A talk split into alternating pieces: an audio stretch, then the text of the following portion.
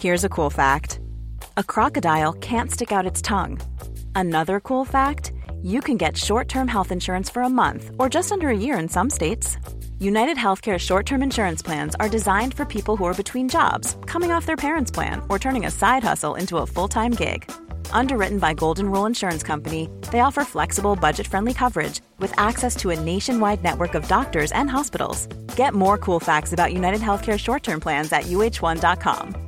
When you're ready to pop the question, the last thing you want to do is second guess the ring. At Bluenile.com, you can design a one of a kind ring with the ease and convenience of shopping online. Choose your diamond and setting. When you find the one, you'll get it delivered right to your door. Go to Bluenile.com and use promo code LISTEN to get $50 off your purchase of $500 or more. That's code LISTEN at Bluenile.com for $50 off your purchase. Bluenile.com code LISTEN. Mom deserves the best, and there's no better place to shop for Mother's Day than Whole Foods Market. They're your destination for unbeatable savings, from premium gifts to show-stopping flowers and irresistible desserts. Start by saving 33% with Prime on all body care and candles. Then get a 15-stem bunch of tulips for just $9.99 each with Prime. Round out Mom's menu with festive rosé, irresistible berry chantilly cake, and more special treats. Come celebrate Mother's Day at Whole Foods Market.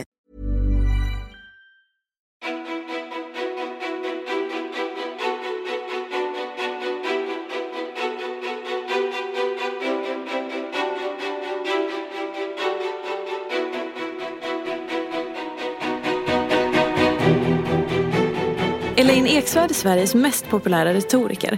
Hon skrev länge en av Sveriges största bloggar, är författare till flera bästsäljande böcker och blev utsedd till Årets kvinnliga talare 2016. Och hon har 106 000 följare på Instagram och driver retorikbyrån Snacka snyggt som omsatte 9 miljoner kronor 2017. Men Elaine är också en beundransvärd eldsjäl. Efter att ha skrivit en bok om sin uppväxt där hon blev utsatt för sexuella övergrepp så driver hon kampen mot pedofilerna. Hon har skapat förskolebrevet och kampanjen Inte så konstigt i samband med att hon gick ut och berättade att hon är stolt funkisförälder till sin dotter Evelyn som har Williams syndrom. Hon kämpar för barnen. Men hur orkar hon? Vad offrar hon? Vem är egentligen Elaine Eksvärd? Varmt välkommen till podcasten Ofiltrerat med mig Sofia Peterfia Ståhl. Hej! Hej! Elaine. Gud, vilket fint intro. Ja, det är bara det som är sant ju. Ja, ja det är väl det. Alltså, eh, eller jag menar, det är det ju, ja. såklart. Det är bara att man, man, man sällan hör det där skrytkalaset i början. Men det är jättemysigt att höra. Nu blev jag på mycket bättre humör. Ja, men roligt. Ja, men du sa att det var en lite jobbig morgon. ja, men jag tappade lite, apropå ofiltrerat. Ja. Jag tyckte att min son gick väldigt långsamt till förskolan. Eh, så att eh, mamma hann inte göra sig i ordning. Så att jag, jag var inte, ingen guldstjärna idag. Nej. Nej. Men det kan man ju inte så ofta ha, tänker jag. Som förälder, nej. Nej, man försöker. Och du vet, det är så fantastiskt att han förlåter en. Jag kramade om honom när, man, när jag lämnade honom och sa förlåt. Och han är bara så här, ah, okej. Alltså barn är så fantastiska ändå. Ja, men alltså om Gustav hade skrikit på mig. Det hade förstört hela min dag. Ja. Men barn har en helt annan förståelse. Det är, ja. Jo, men jag tänkte på det igår när jag satt och så här, jag bara, nu ska jag träffa Elaine imorgon och bara, var ska jag börja? För det finns så mycket. För att du, du är liksom eh, dels karriärskvinnan som eh, eh, driver företag, som eh, har anställda, som föreläser, som får utmärkelser, som syns i tv. Liksom en stor karriär. Eh, och är liksom överallt i media och när det är politik så finns du där och eh, vardagssnacket så är du där och så. Men sen är det också den andra delen som är dina hjärtefrågor och det du berättar om, både det du själv har varit utsatt för i din uppväxt men också att du gick ut och pratade om hur det är att vara funkisförälder till, till din dotter. Det. Och så här, jag bara, alltså det här, hur, var hittar du din kraft? Eh, alltså det känns ju klyschigt att säga det när jag sitter bredvid Peter Fia. Liksom. Får man säga så förresten? Ja, Det är absolut. ju det som är ditt varumärke. Ja, ändå. ja. Ehm, att det är ju träningen. Mm. Ehm, jag hade gått in i väggen för länge sedan om jag inte hade tränat. Det har faktiskt ökat nu från fyra gånger i veckan till fem gånger i veckan. Eh, Och bara totalvila på helgerna. Mm. För att jag behöver koppla bort hjärnan och bara använda musklerna. man måste förstå det om man inte känner mig. Att jag snappar upp alla nyheter som handlar om barn. När jag, alltså jag kan börja morgonen med att kasta ett öga på en artikel där det handlar om något spädbarn som har blivit våldtaget. Och du vet, jag blir helt så här... Jag tänker på det en hel dag. Jag har det i huvudet hela tiden och undrar vad är det här barnet och hur många gör så här. Och, du vet, det snurrar runt i huvudet så jag, jag blir nästan knäpp. Mm. Så för mig är träning ett sätt att bara, nej men nu koncentrerar vi oss på att lyfta den här vikten eller göra de här burpeesarna eller de här armhävningarna. Uh, så det handlar om något helt annat för mig. Det är mer på 90-talet när jag var liksom tonåring. Det handlade väl träning om något estetiskt. Men nu handlar träning för mig om att vara funktionell uh, och inte hamna i posttrauma eh, gå in i väggen eller eh, tänka bränna upp. Det känns som att det ska börja ryka från öronen ibland. Mm. Men sen älskar jag ju mitt jobb. Alltså, jag tycker det är jättekul det jag gör. Jag är väldigt här och nu när jag gör mina grejer. Så. Men det, det, det är nog så jag orkar. Det som har fallit bort de här åren det är kompisar. Mm. Jag vet inte hur man hinner med det. Uh, Nej. Jag ser folk som har så middagar och hittar på grejer. Och Men eh, ja, det är inte riktigt så. Men vad intressant att du säger det, för det var den andra grejen som jag tänkte på.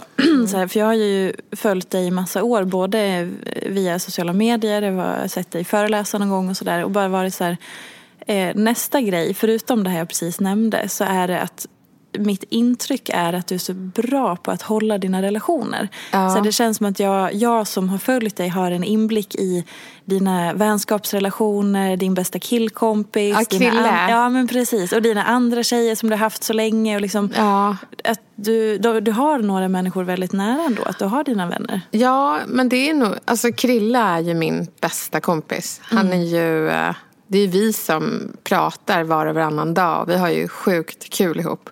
Sen har vi barn i samma åldrar. Så vi har liksom mm. följt varandra. Eh, våra barn leker bra och sådär. Så att jag är väldigt tur. Jag brukar prata om det att när man får barn så får man så på köpet kompisar. Ja. och det här var så inte ett hjärtligt skratt utan mer så här, haha. Man har ju ingen aning om. Man är så här, åh vad kul att Matteo har kompisar. Hoppas att föräldrarna är softa. Och ha mm. lite principer och regler och sådana där saker. Mm. Um, men uh, tack och lov så kom, hade jag uh, Krille innan. Innan vi hade barn. Så uh, nej men det vi har jättekul. Men så här då. Hur, hur ser liksom en dag ut i ditt liv? Om vi börjar i den änden. Ja, men vi kan börja med morse. Gustav brukar väcka mig kvart över sju. för att jag ska väcka mig själv och göra mig i ordning för att lämna Matteo klockan åtta på skolan. Och jag sover med Pascal, vår ettåring. Och då traskar jag iväg och lämnar Matteo på skolan. Eh, förhoppningsvis så får vi en trevlig stund. Oftast inte. Han eh, tycker det är tråkigt att gå dit. Uh. Eh, sen så blir jag mig iväg antingen till en föreläsning eller en intervju som nu. Um, och uh, sen så har vi kontor, Snacka snyggt, då, retorikbyrån på uh, Birger här i Stockholm. Så uh, lotsar våra konsulter i, i alltså lotsar dem, jag har så kompetenta konsulter, de behöver nästan ingen lotsning. Nej. Men vi träffas för ett måndagsmöte, det gör vi varje vecka. Vad gör jag mer?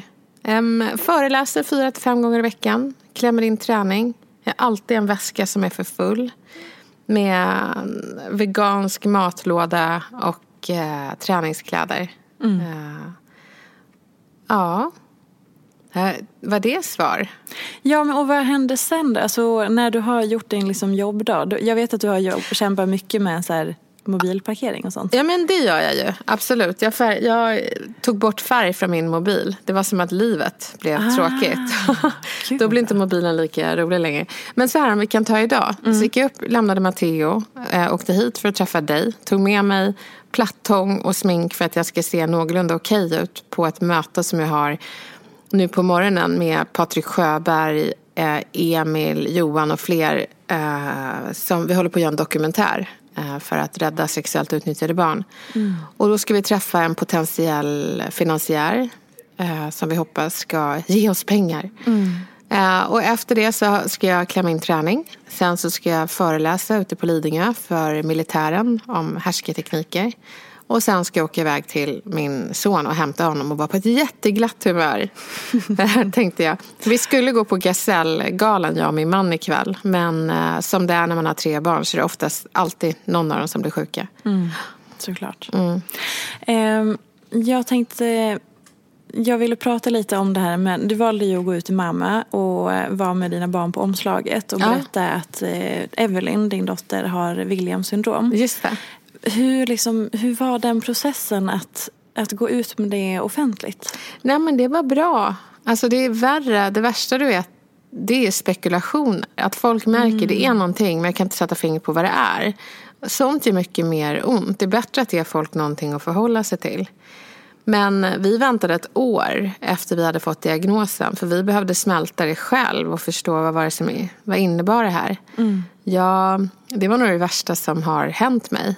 Um, alla de rädslorna som kom med hennes diagnos och kommer vi behöva ta hand om henne? Får hon leva fullt ut och så vidare. Mm. Sådär. Vad innebär den diagnosen? Eh, Williams syndrom innebär att du saknar upp till 27 gener på kromosom 7. Och de här 27 generna det är alltså 27 av ungefär 30 000. Mm. Men att du saknar dem gör att du får vissa karaktärsdrag som att du blir väldigt social. Evelyn saknar lite gränser ibland. Hon har ögonkontakt fyra gånger mer än genomsnittet. Mm. Hon känner att alla är hennes vänner. Igår var en av Matteos kompisar hemma hos oss och hans pappa Petrus var hemma hos oss. Då kommer Evelyn och sätter sig i hans knä. Eh, och så lyfter hon hans t-shirt och vill känna på magen för att den är mjuk. Och det är liksom mm. inte det som en treåring eller andra barn hade gjort. Så nej. vi får säga till Petrus att Petrus, det är bara att dra ner t-shirten och säga nej det här är stopp min kropp. Mm. Så att jag trodde att jag skulle behöva lära Evelyn integritet. Men jag behöver ju lära henne att respektera andras integritet. Just det. Så hon är ju intellektuellt eh, utmanad men socialt eh, kommer hon bli mer begåvad. Så för de läser av människor och är väldigt intresserade av människor. Mm. Högkänslig. Alltså, jag tyckte det var så fantastiskt när du gick ut med det här. För jag jobbade tidigt, eh, när jag var 18 så jobbade jag som personlig assistent. Okay. Eh, och gjorde det i flera år till olika funktionshindrade människor. Ja. Eh, och jag var, är så tacksam över den tiden i mitt liv och att jag så ung ändå var, som gick in i det och lärde mig så otroligt mycket. För jag fick sån respekt för dels min egen kropp men också vad man kan göra idag trots att man har ett funktion, funktionshinder. Eh, men också så bestört över hur folk bemöter människor som ja. har ett handikapp eller funktionshinder. Man tittar liksom inte ens på den personen i ögonen. Man pratar alltid med den som står bredvid. Man vet inte hur det. man ska förhålla sig. Jag jobbade också som personlig assistent och mm. märkte den. Misär, grejen. Ja. ja. precis. Och det kunde ju vara att det var någon som var rullstolsburen. Mm. Och att vara rullstolsburen, det påverkar inte hörseln. Precis, eller hur? men, eller talet eller ingenting. Ja, men precis. Men jag önskar liksom att man kunde lära barn mer. Jag, vet, jag och Matteo var på Tekniska museet i helgen och då fanns det filmer om barn med autism. Mm. Och Matteo tyckte det var jätteintressant. Att det är svårt för honom och hit och dit. Man kan ge barn en förståelse i grunden om man bara berättar mm. hur det ligger till. Men ofta vet väl inte den vuxna hur den ska berätta. För Nej, att man inte men det vågar... finns filmer som jag bara önskar att lärarna ja. visade mer. Verkligen. Och ändå kanske... samexistera med så många olika människor. Det är bra om man visar mm. förståelse. Verkligen. Och sen om man ska liksom bara så här våga fråga. Ja, verkligen. Det gör ju barn. De kan ju säga, varför sitter du i rullstol? Varför, har du, varför ser du ut sådär? Eller varför är du så? Barn är ju väldigt rakt fram. Ja, men verkligen. Men vuxna är så här, nej titta inte. Nej, men precis. Och det kan ju väl säkert vara mer, nu vet jag, nu lägger jag orden i din mun. Nej, men alltså, nej, men... hur jag kan tänka mig att det är jobbigare om någon säger nej men alltså sådär. Ja, ja men precis. Ja, men det, fast det var ju ganska komiskt. Jag fick lite en skrattattack när Evelyn liksom går på den här Petrus. För jag mm. litar på honom, han är trevlig liksom. Men gud vad han blev obekväm. Jag bara, det är okej, du får säga stopp liksom. Ja. Han bara, ah, okej, nej, nej liksom. stopp min kropp. Det är sånt vi lär barn att säga. Ja. Nu fick jag lära honom. Det, jag tänkte på det här förskolebrevet senast eh, häromdagen. För jag har ju börjat skola in min dotter nu. Ja. Eh, och ska ta reda på om eh, de använder förskolebrevet. Bra. Hur, vart finns det? Vet du hur många ja, skolor du kollar det finns? på eh, tre ska bli noll.nu. då, då hittar du. Det du ska fråga är om de jobbar med integritet. Just det. Och standardsvaret som många förskollärare och chefer har är ja, vi har eh, trygghetsplan och hit och dit. Och kommer med en massa så här luddiga, vackra begrepp och att de har i ett dokument. Och då ska du säga nej, min fråga är hur jobbar ni med integritet? Alltså hur omsätter ni de här fina orden i praktiken? Eh, ser ni till att vikarier inte får byta blöja? Om de säger men vi väljer att lita på våra vikarier. Det säger fast det kan ni inte göra. Nej. Jag menar, hur mycket skulle vi vilja sitta och, på toaletten med någon vi inte känner? Alltså barn borde få rätt att ha någon de är trygg med och känner. Um, ja, vikarier får inte vara med under vilas, vilostund, de får inte vara själv med barnen, de får inte stänga och öppna och de får inte byta blöja. Uh, det är jätteviktigt. Och inte gå på toaletten med barnen. Nej. Och, um, och sen också att man lär barn stopp min kropp. Uh, och berätta för dem vad som är privata delar. Det är ju så grundläggande. Men det funkar ju inte överallt. Nej men alltså du vet, jag delade ut ehm, eh, en bok. Det kan du ge, Barnen i Kramdalen. Det är från tre år. Alltså de tycker det är jättekul. Eller till och med min ettåring lärde sig säga stopp. Eh, när jag läste den för honom. Ja. Men där, jag delade ut den till eh, min eh, Matteos eh, förskoleklasser. Eh, och hans klass har börjat läsa den och så har jag varit på de andra lärarna och så var det en lärare som sa Jo men du vet vi går in på integritet, allting runt det. Jaha. Precis. Runt. Ja, varför runt? Gå på det. Jo men du vet att, alltså de tycker det är så obekvämt. Det är inte klokt. Ja, så det, det du behöver göra det är att vara en aktiv förälder. Gå med i förskolerådet. Jag fick tjata i tre år tills de tog det här på allvar. Åh herregud. Och jag kuppade in integritet. Och sa till Matteo att lära sina kompisar. Och jag pratade med kompisarna. Ja. Vad, vad möter du från de andra föräldrarna då? Engagemang. Ja. De blir chockade över siffrorna. Så du får komma med statistik och förklara att det är ett av fem barn som blir sexuellt utnyttjade av Sverige, i Sverige idag. Därför är det här angeläget. Men det du nämnde tidigare när du läser en artikel på morgonen och så bär du med dig det hela dagen. Alltså, ja, så här, det är ju så mycket varje dag och varje vecka. Ja, hela tiden. Du har, har du någonting så att du kan bara säga, "Nej, men idag måste jag stänga av för att bara ta, ge, ge, ta mig igenom dagen? Ja, men då läser jag nog inte nyheterna. Men problemet är att jag har folk som skickar artiklar till mig. För att de vet att du driver den här frågan. Ja, men det är allt ifrån... eh, De säger, jag tror att min son blir utsatt, vad ska jag göra? Så här, ring polisen, hör inte av dig till mig. Och när du mejlar mig och berättar att din son blir utsatt, han är bara tre år, hans kropp är så liten. Jag får ju bilder av det här, alltså jag blir helt förstörd. Eh, jag är ju inte en polis, utan jag är en annan utsatt. Jag bara, bara tänk om någon kvinna som blivit våldtagen ska bli kontaktad av alla som blir våldtagna. Alltså en trasig kan inte bära en trasig. Det är därför vi har polisen. Ehm, så. Gud. Ja, Men det, alltså det, ja. det är sånt jag får varje dag. Alltså jag får kanske fem till tio mejl och eh, inbox på Instagram från folk som antingen tipsar om artiklar eller berättar. Eh, Men vadå, en tipsare i artikel i all välmening att de tänker att, att du ska lyfta det eller ja, att du ska... ja, ja, ja. Nu var det ju senast någon komiker som skämtade om några pedofiler. Ja, då vill de att jag lyfter det. Nej. Det är, alltså, det är som att de alla lägger liksom alla pedofiler, alltså ansvaret över att vi ska få, ja, jag vet inte vad vi ska göra med pedofilerna, bränna upp dem. eh, Ja, Så. Det alltså bara, jag vet inte vad vi ska göra. Men alltså att du ska ta ansvar för hela Sverige. nej, men det går ju inte. Utan det är omöjligt. Om du har läst en artikel som du tycker är uppseendeväckande, Mm. använd dina kanaler. Även om du bara har hundra följare, så gör det. Skriv någonting. Lägg det inte på mig. Alltså jag är ju ingen anslagstavla för all världens orättvisor. Så är det inte. Plus att eftersom du själv är, som du sa, utsatt. Mm. Så blir det väl, kan jag tänka mig, som att någon kommer och krafsar i dina sår hela Ja, tiden. nej, det är posttraumatiskt. Ja, Det är, jag mår skitdåligt av det där. Så det är, ja, det, är, det är dels därför jag har ökat eh, träningen. För det är eh, terapi för mig. Ja, jag har ju gått terapi i säkert tio år. Men jag tycker den här fysiska terapin gör enormt mycket. Jag mår så bra av det. Idag ska jag cykla. Ah. ja.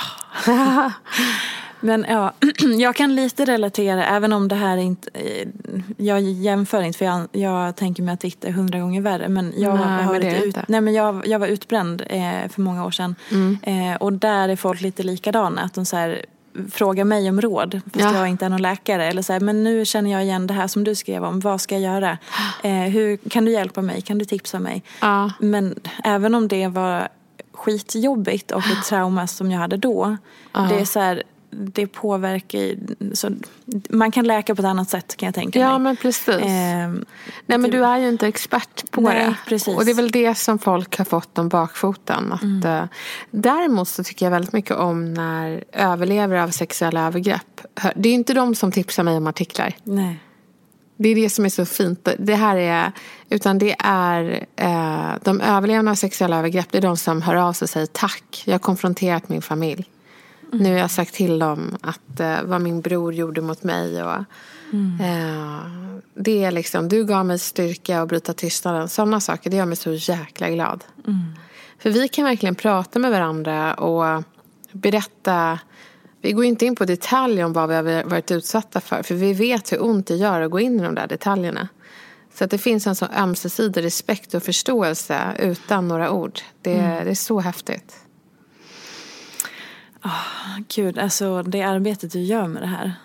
Det, är- ja, det är beundransvärt. Tack ska du ha, vad kul. Ja men verkligen. Och det är, det är tragiskt att, det, att du ska behöva bära, alltså att inte fler vågar ta den kampen och föra den talan. Men det, Men jag tycker att det är väldigt många nu. det är det. Ja, och jag tror så här, jag kan ju inte rädda världen själv. Men jag vill lansera ett koncept där, alltså om du räddar världen där dina barn är. Och jag världen där mina barn är. Tillsammans blir det hela världen. Så att det är det, om man inser sitt stora värde, att man kan vara en superhjälte i sitt sammanhang. Då, eh, en vardagshjälte, så kommer vi göra stordåd. Var precis så envis som Elaine är, fast i ditt sammanhang. Bra. Ja. För det är också en, en bild jag har av dig. Att du, så här, du vågar ju ta fighten. Och du vågar ju vara lite obekväm och lite så här, ja, men, som du sa, du tjatade i tre år om att få in integritet och Ja, ja så men på bråkade med vår förskolechef. Ja. Herregud vad hon pratar flosk-svenska. Det är så här, vi anser att vi lär barn integritet, säger hon.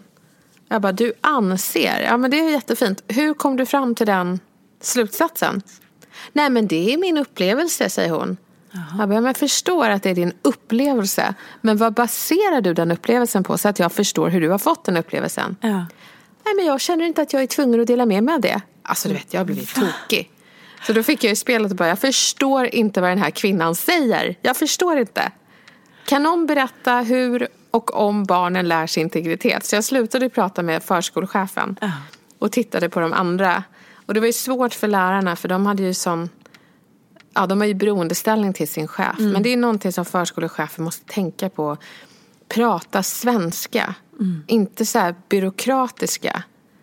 Berätta bara hur det ser ut en dag och vad ni lär dem. När berättade du för barnen vad som är privata delar? Och då är det många som tycker, men varför ska man lägga det på förskolan? Det behöver man inte. Men alla barn har inte som mina barn har det. Det finns barn på förskolan som blir sexuellt utnyttjade. Och därför är det viktigt att förskolan någon gång säger det som barnen aldrig kommer få höra hemma. Just de ungefär sex barnen i varje klass. De behöver lära sig det här i skolan. Ja. Ja. Sex barn i varje klass. Ja, på 30 barn så är det sex barn. Och man vet inte när det sker. Alltså det är många av de barn som blir utsatta när de är under 10 år så är det oftast, eller då är det 90 procent av en nära anhörig. Som i mitt fall var det min pappa. Millions of people have lost weight with personalized plans from Noom, like Evan, who can't stand salads and still lost 50 pounds. Salads, generally, for most people, are the easy button, right? For me, that wasn't an option. I never really was a salad guy. That's just not who I am. But Noom worked for me. Get your personalized plan today at Noom.com. Real Noom user compensated to provide their story.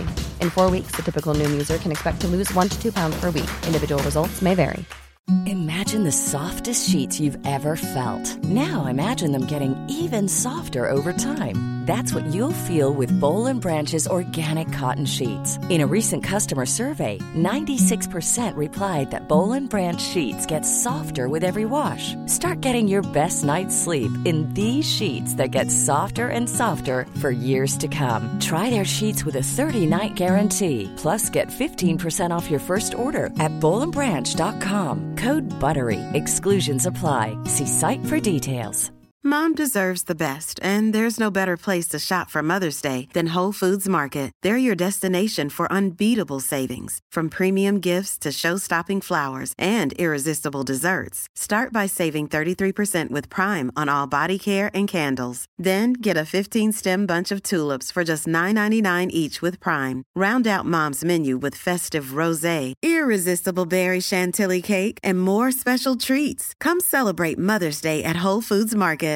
This is Paige, the co-host of Giggly Squad, and I want to tell you about a company that I've been loving, Olive and June. Olive and June gives you everything that you need for a salon quality manicure in one box. And if you break it down, it really comes out to $2 a manicure, which is absolutely insane. It's also so easy to get salon worthy nails at home with Olive and June. The difference between how your nails used to look when you did them yourself and now with the Manny system is a complete game changer. The best thing about Olive and June too is it's a quick dry. Dries in about one minute, lasts for five days, and full coverage in up to one to two coats. Visit oliveandjune.com slash perfectmanny20 for 20% off your first system. That's oliveandjune.com slash perfectmanny20 for 20% off your first system.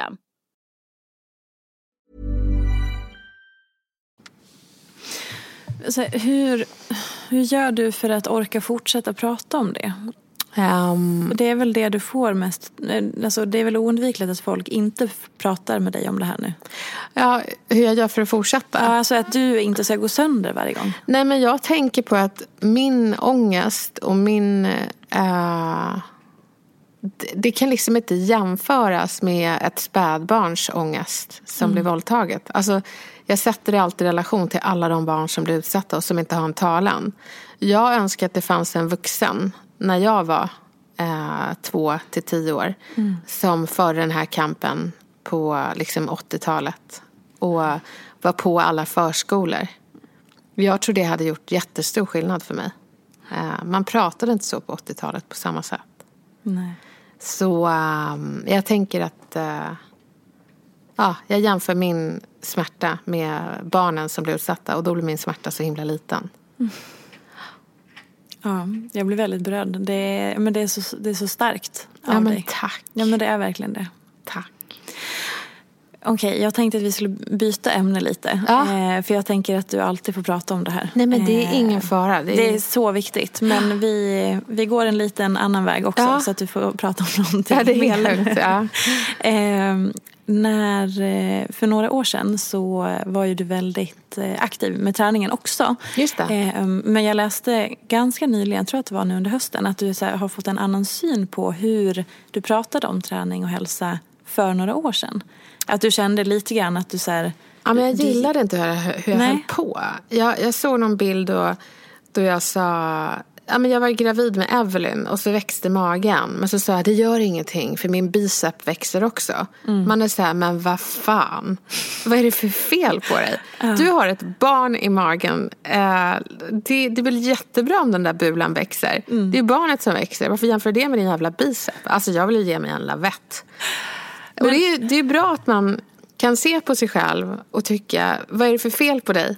För det betyder ju att man utvecklas. Ja. Jag önskar att det fanns andra människor, det finns det säkert. Alltså, om ni är där ute som lyssnar som kan titta tillbaka på saker du har sagt och gjort och tänker shit, jag, alltså skämskudde. Var glad, för det betyder ju att du utvecklas Exakt. och lär dig nytt. Och jag märkte också hur jag stod liksom lite i sidan i något så här spegelknep så att midjan ska se mindre ut. Och så ser jag att jag har den posen nästan överallt på mina träningsfoton. Ehm, eh, och, jag, och ibland så, så här visar jag magen och lite valkar. Ehm, och, och då är jag så här, åh vad jag är härlig, jag accepterar mig som jag är. Ja visst, idag är det det. Men imorgon håller ju magen och står snett och spänner biceps. Alltså, Du vet, så att det sånt jävla hyckleri. Ursäkta att jag svär så mycket. Det, det är lugnt, kör på. Ja. Men hur kom du till den här insikten då? Så bara satt och bläddrade och bara, men gud vad håller jag på med? Vem är Nej, här? men det var Mia Skäringer. Eh, det var, jag såg första avsnittet av hennes kropphets, tror jag Ja. det var. Och eh, jag älskar Mia, tycker hon är helt underbar. Jag såg hur de retuschade henne och hur hon skulle göra för att se smal ut. Eh, och så insåg jag att jag, att jag hade bidragit till den hetsen. Men jag älskar träning. Eh, det är eh, min hobby, det är min överlevnad. Det är också min så, här, så att jag ska kunna leva till kanske 130 i alla fall. Så att jag kan lösa den här jävla problematiken med sexuellt utnyttjade barn. Eh, det är jätteviktigt att ha en kropp som fungerar i ett sånt här samhälle. Tänker jag. Så det är en helt annan motivator. Så jag tycker kropphets var jättebra. Men jag kommer inte ta bort min dokumentation av träning. Eh, men jag kommer dokumentera den på ett annat sätt. Det handlar inte om hur jag ser ut utan om vad jag gör och vad fantastisk kroppen är. Att den, den orkar göra allt det här åt mig. Men tänker du att så här, för jag kan undra ibland i och med att jag också håller på med sociala medier och man, så här, man tar massa bilder på sig själv varje dag eller folk tar bilder på en eller man syns på olika sätt. Det blir ju lite att man alltid, man väljer den bästa bilden som man själv anser är den bästa bilden. Ja, men det tycker inte jag är Ehm, fel. Men liksom hur, så att, så här, hur ska man, då, då blir det så, ibland försöker jag säga, ja men jag försöker samla så här, de här bilderna publicerade jag inte men jag publicerar dem nu för att visa någon motsats eller sådär. Men så här, kommer vi någonsin komma ifrån det här att allting som är publicerat blir lite tillrättalagt? Ja, det, nej, men det tror jag. För grejen är den att eh, vi märker mer och mer. Jag tror att det kommer ske en skillnad i eh, undervisningen. Eh, jag tror att vi behöver lära barn och vuxna att sluta följa dem som får dig att må dåligt. Jag ska, jag ska göra det efter det här. Jag ska kolla mitt flöde och fundera på... För du vet, ibland kollar jag på någon och så blir jag så här... eh, Nej, fy fan vad jag mår dåligt nu. Ja. Var, ni vet, så man mår, det här får mig att må lite dåligt. Och allt det här, alla de här lite dåligt ehm, ska man inte följa. Jag, jag följer en som liksom, hon lägger upp, alltså allting hon gör är som en Libresse-reklam från 90-talet. Och jag tycker det är så skrämmande, skrämmande fascinerande. Ja. Att eh, jag kan inte sluta kolla. Men det får mig att må lite dåligt. Eh, när man liksom svänger med håret och snärtar till med nacken. Och, Åh, det är underbart att dricka den här latten. Alltså man är så här, fast du är Håller inte... den i perfekt höjd. Ja men precis. så, ja. Och det, det är ju inte på riktigt. Ehm, så det ska, jag- ska sluta följa sådana Ja. människor. Det är inte på riktigt. Men det blir också så här, för jag, jag kan ibland undra hur de som växer upp med det här förhåller sig till det. För för dem är det så självklart. Så jag undrar om inte de skapar något naturligt filter. Att de bara fattar att det inte är på riktigt. Nej men de gör ju inte det. De mår ju dåligt Eller av de det. inte? Jag Ja, pratar med barn som Ja. säger det att det är inte på riktigt. Man ska inte jämföra sig. De har lärt sig sådana här ramsor. Mm. Ja. Och det, jag tror det är jätteviktigt att vi pratar med våra barn om det. Mm. Och all de här liksom, plastikoperationerna och jag, såg ett, implantat. jag såg ett sponsrat arsel på Instagram här. Jag med. Med rabattkod. Nej, men vi såg samma. Ja. Varför kollade jag på det? Det fick ju mig att må lite dåligt. Och jag undrar, hur mår den här personen? Ja, men jag är övertygad. Vet du vad jag är övertygad Ja. Om att eh, hon som gjorde det här Mm. eh, har blivit sexuellt utnyttjad som barn. På hur då tänker du? Nej, för att eh, just det här med överdriven sexuell bekräftelse. Det är väldigt vanligt eh, bland oss som har blivit sexuellt utnyttjade. Att vi hamnar i prostitution, att vi eh, medverkar i eh, porrfilmer. Alltså vi som har blivit utsatta ris- alltså, riskerar till högre grad att utsätta oss själva. För att man får en... eh, Är det liksom... eh, Nej men vi har lärt oss bekräftelse genom det sättet. Ah, Det är det som är, alltså sexuell bekräftelse. Som till exempel, för några år sedan var det någon herre som, som eh, kladdade på mitt ben. Jag visste inte vem det var. Och det var som att jag frös. Jag visste, visste inte hur jag skulle säga, ta bort din hand. För att jag har ju sedan jag var två år gammal aldrig fått den respekten. Så jag vet inte, ingen har lärt mig att jag ska ta den heller. Jag tycker det är obehagligt, men jag har inte lärt mig från barnsben hur man säger stopp min kropp. Så att det, det är väldigt vanligt att vi både söker och, har, och hamnar i sådana sammanhang. Det är därför man verkligen ska fundera på de som konsumerar porrfilmer. Alltså till 98 procent, om inte mer, så är de medverkande sådana som Elaine. Det vill säga överlevare av sexuella övergrepp. Och när man vet det, att det, det där är bara ett symptom av vad de har varit med om. Då kanske man inte blir så kåt när man kollar på porr. Utan man tänker det här är fel. Uh, så, att, så, där, så där går mitt hjärna, min hjärna hela tiden. Jag vet att uh, Sveriges Radio intervjuade någon porrstjärna. Och uh, då fick man ställa en fråga till henne. Jag tror att det var Petri som skulle vara lite checka. Ja. Och alla ställde, rasade mot Petri. Hur kan ni göra så här? Da, da, da, da. Och så var det en massa frågor som folk ställde. Typ vilka ställningar gillar och så vidare. Men jag frågade henne, hur var din barndom? Fick du svar? Jag vet inte, jag har inte kollat den. Eh, men nu när du säger det ska jag verkligen kolla. Jag är helt övertygad. Statistiskt så har de blivit sexuellt utnyttjade. Det är inget barn som, du vet, växer upp och kommer på när jag blir stor ska jag bli porrstjärna. Det är liksom ingen naturlig, det, det är ett symptom på någonting du har varit med om. Fy fan alltså. Ja, verkligen. Det, och det är så fruktansvärt viktigt att det pratas om för att det är, man vet ju inte. Alltså det, Nej. Nej, men man vet inte. Och det är så viktigt. Jag vet ju, snittåldern för eh, när barn blir exponerade för porr är ju åtta år för pojkar. Och de är tolv år när de aktivt söker upp porr. Därför ska man innan de fyller åtta prata om att det finns filmer där barn, nej, där vuxna gör på det här sättet. Och de som är med i de här filmerna har blivit sexuellt utnyttjade som barn. Det är bra att känna till. Eh, Så om du, blir utsatt, om du ser något sånt där, ta bort det. För deras skull. Så det, det, det snacket behöver man ha. Och det är också så här hemskt med kvinnor i eh, liksom vår ålder som normaliserar porrkonsumtion. Ja, men min man han kollar på porr. Alltså det är inte okej. Det, det, det får man liksom... Och det har inte med några religiösa skäl utan etiska. Ja. det blir också en helt annan referensbild till vad man går igång på. Jag hörde podden eh, eh, faktiskt med Cissi Wallins podd med Nina Rung. Ja. Eh, som sa ju det här att nu kan jag liksom felcitera men på ett ungefär så sa hon att eh, eh, unga tonårskillar blir, är ju porrskadade. Så att gränsen förflyttas ju hela tiden för vad de kan gå igång på. Och att det vanligaste man har i sex idag, enligt, alltså bland ungdomar, är någonting som heter gagging. Som är att man trycker ner penisen i halsen tills man kräks. Och det ska vara helt normalt. Det är helt sjukt. Alltså, Ja, och sen så är det mycket analinkontinens på tjejer. Och bara, ja.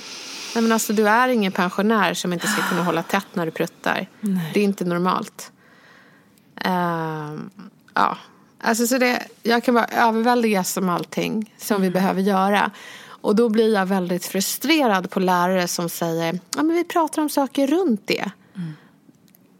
Det, det gör mig irriterad. Men jag har ju, jag har ju nyårsmål varje år och folk har svårt att ta till sig ilska. Så jag försöker le och så säger jag någonting som ska inspirera dem istället. Det är jättesvårt, jag blir så passivt aggressiv. Ja. Men jag säger, ja ni går runt det, jag förstår. När tänkte du gå på det då? Eh, lite lätt obehagligt. Ja men verkligen. Ja, jag, blir nog, jag blir nog lite lätt obehaglig när jag är passivt aggressiv. Men det, det är så svårt då. Jag är ju den som pratar högst på föräldramöten och blossar ut statistik. Och... Tack till att de har dig i sin klass. Ah. Måste de ju känna. Gud, jag trodde du skulle säga tack för att du var med. Jag bara, nej, gud, ska nej, vi nej, sluta nej. här? Utan jag, jag, så här, om, så här, jag tror att de andra föräldrarna sitter på de där föräldramötena och bara, gud vad skönt att hon för den här talan, för då slipper jag. Ja men vissa. Andra har ju så här Eller blir de... Nej men både, både och. Mycket uppmuntran.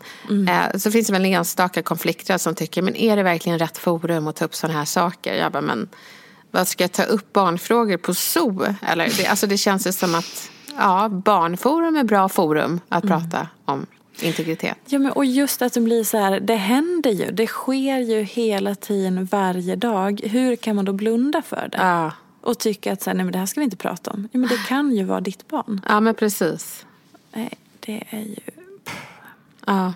Och det, det är grejen med den, jag får väl vara den här jobbiga föräldern för jag tänker att jag står och pratar statistik och stopp min kropp och integritet. Det, det är kanske jobbigt att lyssna på.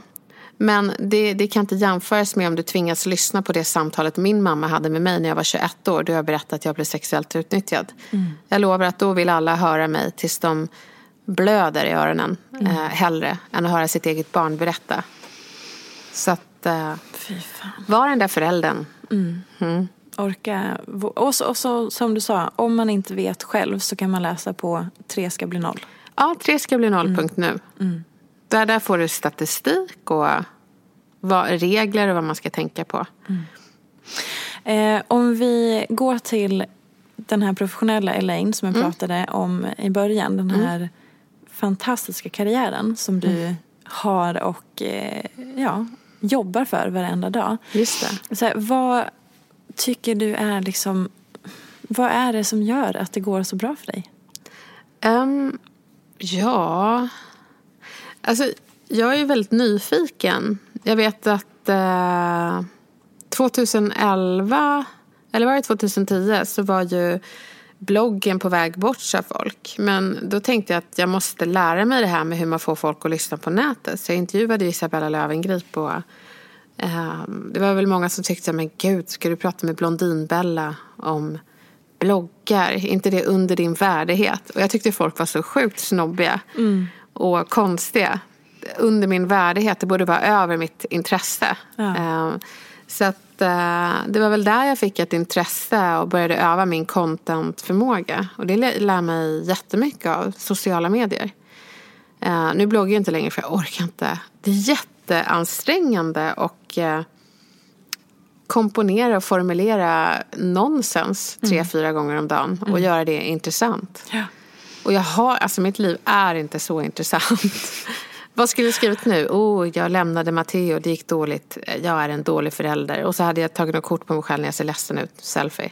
Det älskar folk. Ja, men jag För vet. Det kan man relatera till. Ja, men precis. Men sen så här bara, nu har dagen vänt. Jag pratade med Peter för jag blev så peppad. eh, så nu ska jag träna. Träningen gick bra. Eh, och sen, nu spillde jag kaffe. Kolla så mänsklig jag är. Jag har det på min guldiga silkesskjorta. Och jag förstår den. Jag har lärt mig mycket.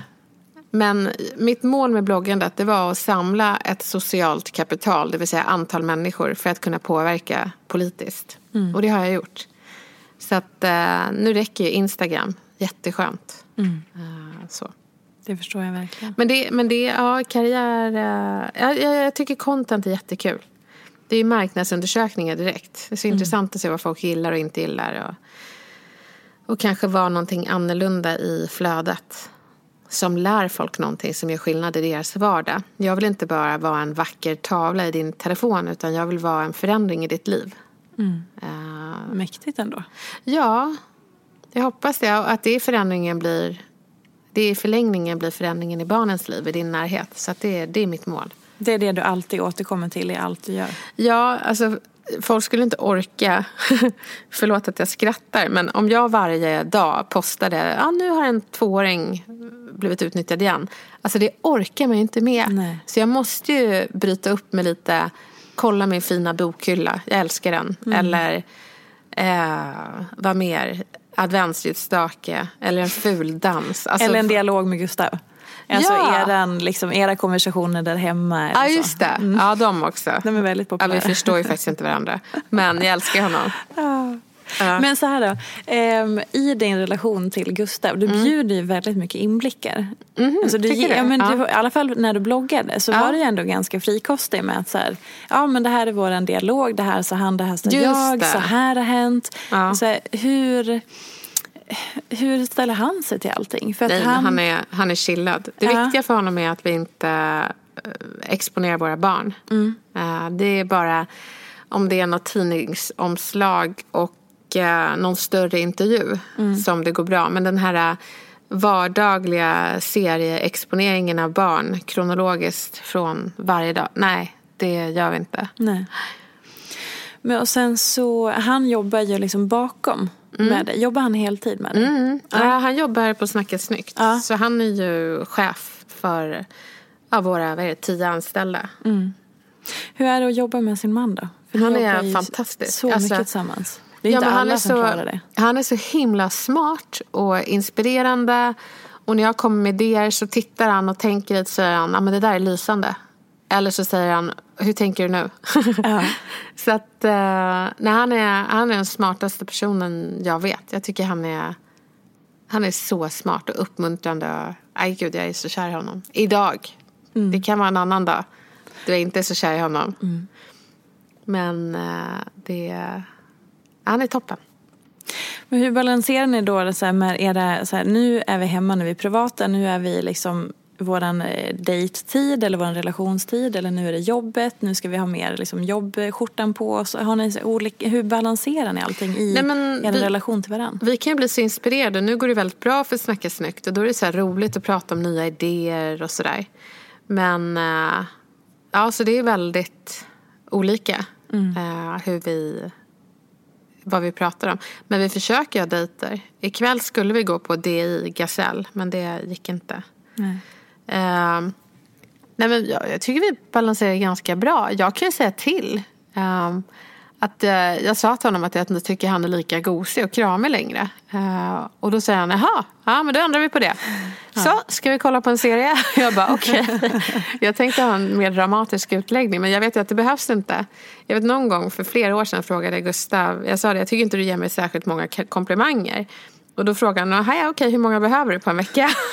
han är så himla pragmatisk och eh, gud, är han en blå person? jätteblå. Ja. Så att, eh, nej men han ger, ger en komplimanger. Ja, kanske en i veckan, en varannan vecka.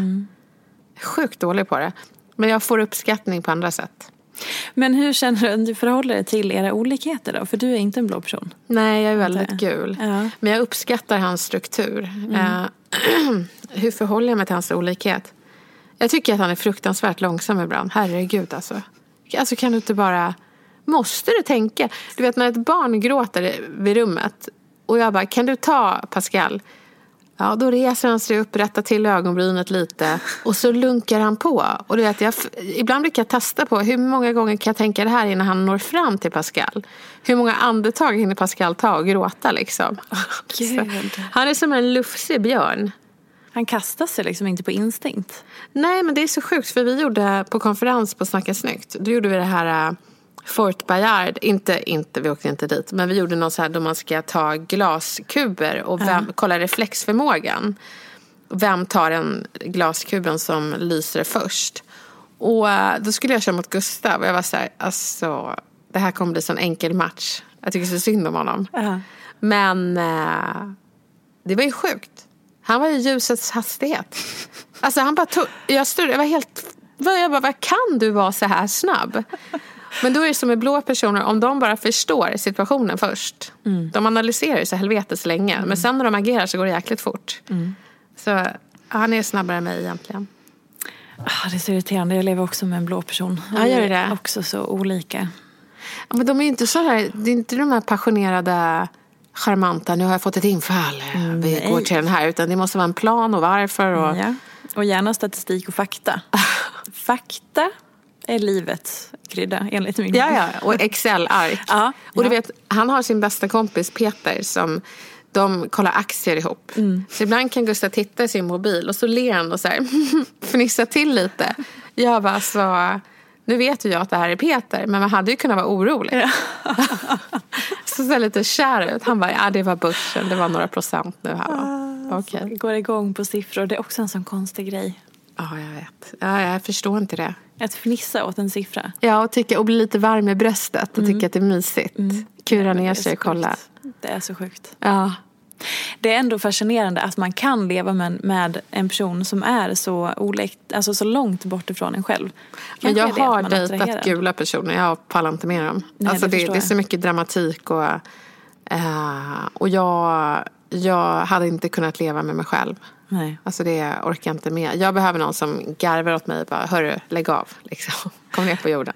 Ja, min man brukar kalla mig för en heliumballong som han behöver dra ner på, på jorden och knyta fast i ett staket så att jag liksom får lite så här, ja, inte svävar iväg. Ja, men gud, vilken bra grej. Mina vänner dock, de är väldigt gula. Ja. Men, men i en kärleksrelation så liksom Jag har, jag har försökt några gånger, eller försökt, jag har oftast träffat sådana för de är så passionerade. Och, men eh, sen orkar jag inte mer.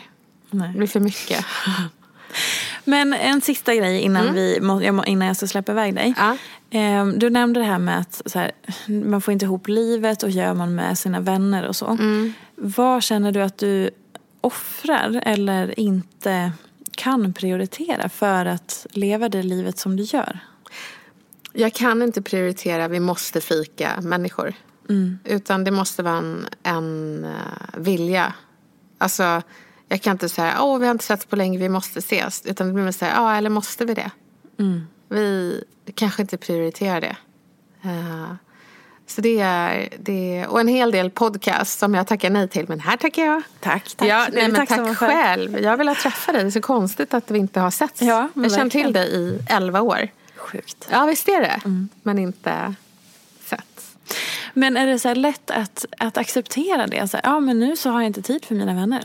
Är inte det Nej. skittufft? Jo, det är jättesvårt. För jag var alltid den som hade fester, bjöd hem folk och sådana där saker. Men eh, jag har gått från det här sociala monstret till småbarnsmamman som har blivit en enstöring. Alltså det jag kan längta mest efter det är att eh, duscha länge, sitta på toa själv, eh, sova. Jag kollade på eh, The Bodyguard, eller Bodyguard heter den på Netflix. Och så kollade jag på den och eh, skulle kolla på handlingen och spänningen. Men så slogs jag av hur skön kudden såg ut som man skulle lägga sig på. så att jag, det är så här, s- sköna kuddar, sova. Eh, köpa ett täcke som är väldigt skönt. Inte dun, köp inte det. Stötta inte djurindustrin. Fick jag kuppa in det också. Det är också väldigt vanligt kan jag säga att veganer eh, har haft någon sorts historia i barndomen. Där man varit hjälplös och inte fått hjälp. Och man, eh, man därför vurmar för djur. Eh, För att man kan identifiera sig med det här med att inte kunna säga eh, döda mig inte eller utnyttja mig inte, slå mig inte, ät inte upp mig och så vidare. Det är så intressant. Verkligen. Ja. Finns det fler sådana? Ja men tydligen. Det, det var någon som berättade för mig att det inte är alls ovanligt. Mm. Apropå vegan. Mm, ja men precis. Är du det på heltid nu? Ja, det... En helt ny livsstil. För du kör hela konceptet, alltså hela livsstilen. Inte bara själva att man äter vegansk mat. Nej, jag har skinnskor på mig nu när vi pratar. Okej, så att, nästan eh, inte riktigt Det ligger en hund begraven under bordet här kan man säga, eller en ko. Men det, jag följer ett konto som gör veganskor. Så Mm. jag, min ambition är att konvertera helt. Eh, så. Men hur tänk, då tycker jag det är intressant. För i och med att du har familj och tre barn och så. Hur tänker ni? Är din man med på samma tåg? Eller hur förhåller ni er till det? Om jag bara lagar mat så är jag med på samma tåg. Men jag kan ja. inte laga mat. Nej. Så jag har gått en vegankurs, ska gå en till eh, i matlagning. Men eh, jag har för lite koll på näringslära för att våga ge mina barn veganskt. Det kan, jag kan inte experimentera så. Utan då vill jag ha full koll. Någonting annat som, som slog mig. Så här, när du har, så här, du, jag kan tänka mig att du jobbar mycket i perioder i och med att du har egna, egna företag och stor karriär och allting. Och sen att få tre barn på det. Ja. Var det självklart? Nej, För det men- tar ju också väldigt mycket tid. Ja, precis. Ja, men det gör det. Men det är tid jag vill investera. Jag vill ha mer tid med mina barn. Ehm, sådär. Så att... eh, jag skulle vilja få fyra, men jag, vi kommer inte skaffa det för det känns taskigt mot de andra. Alltså de måste ha sin mammas och pappas fulla uppmärksamhet. Men hur... eh, Alltså det där beslutet att gå från två barn till tre. Var det svårt? Nej, med tanke på att Evelyn fick Williams syndrom. Det är inte helt ovanligt att när man har ett barn med funktionsvariation att man skaffar ett till. Och det kan låta så här konstigt, men man vill liksom omgärda henne av syskon. Eh, man ska inte skaffa barn för att de ska vårda. Men jag, jag tror att det spelade in. Eh, sen så var inte Gustav sådär att han skulle ha tre. Han var inte det. Nej. Så han är inte så pepp på fyra då heller? Nej. men det, jag såg till att det hände. Ja. Gud, alltså ja. jag börjar... Alltså egentligen så... Allt vi pratar om är ju trevligt men det som alltid återkommer till är ju det här med barnen och Ja. allt det du berättar och det är så här, allt annat känns ju oviktigt och man blir också så här Eh, gud, det, det, blir så mycket. Jag blir, så här, jag blir helt eh, berörd av det när jag liksom får lära mig. För det är också det, jag lär mig saker av Ja, att sitta och lyssna. Och Ja. det blir också, man blir ju så frustrerad över att vi inte kan sånt här. Att det inte är självklarheter. Men vi lär oss. Jo, Ja, och det är det som Det är, är så himla bra. Att vi är en generation som lär oss och kommer lära våra barn. Ja. Vi kommer inte vara de här som bara, usch sånt här pratar man inte om. Utan nej, vi kommer prata om det och vi kommer göra skillnad. Eh, tack vare personer som du själv, Cissi Wallin, eh, Katarina Wenstam, Nina Rung. Vi, eh, vi vågar eh, höja rösterna. Så, så att, eh, det kommer bli bra. har du någonting mer som du kan lära oss kring det här som avslutning? Att det finns inget bäst före-datum för när du kan lära ditt barn integritet. Även om barnet inte kan prata så kan du prata. Så att eh, då är det viktigt att barnet hör integritet. Så när någon bara lyfter ditt barn utan att fråga och kramar barnet trots att barnet inte vill så kan du vara barnets röst och säga nej, hon vill inte kramas. Så att innan de pratar om integritet så kan du vara rösten. Så det är viktigt att man är rösten för barnet innan man ger barnet en röst. Just det. Så det är viktigt. Börja nu. Och inte hålla på med det klassiska, oh, men gå och sätt dig i knät. Nej, Eller dela inte ut pussa. kramar och håll på. Ja. Ge farfar en puss. Gör det Nej, där. nej, tänk om ditt barn skulle göra det till dig och säga ge den där en puss. Då hade du bara nej. Mm. Så den där dubbelmoralen kan man skippa. Fan vad man trampar på barn alltså. Ja. Bara genom att bestämma åt dem hela tiden. Ja, verkligen. Tack snälla för att du ville komma Tack hit. för att jag fick vara med. Och tack, för att vi ändå hela tiden återkom till barnen. Ja. Och att du lärde oss. De är viktiga. De är viktigast av allt. Tack snälla. Tack. Gärna i sociala medier. Jag heter Peterfia på Instagram och bloggar på peterfia.se. Vill du komma i kontakt med mig så gör du det på info.peterfia.se. Jag vill rikta ett stort tack till Acast för studie och stöttning och ett stort, stort tack till geniet Elin Sjödén som klipper den här podcasten.